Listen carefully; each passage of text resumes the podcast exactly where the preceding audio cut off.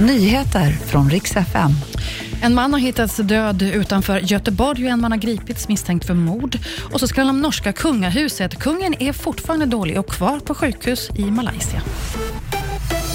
En man hittades död i en lägenhet i Mölndal utanför Göteborg idag. Polisen larmades efter ett bråk. På plats hittar man en man som var livlös i 45-årsåldern och hans liv gick inte att rädda.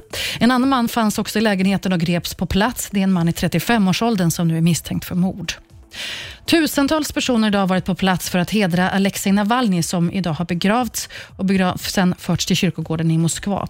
Han dog alltså plötsligt i fängelset den 16 februari. Hans anhöriga lägger hela skulden på Putin som hittills inte har velat uttala sig om saken. Enligt Moscow Times så säger Kreml att man har inte någonting att säga till hans släktingar.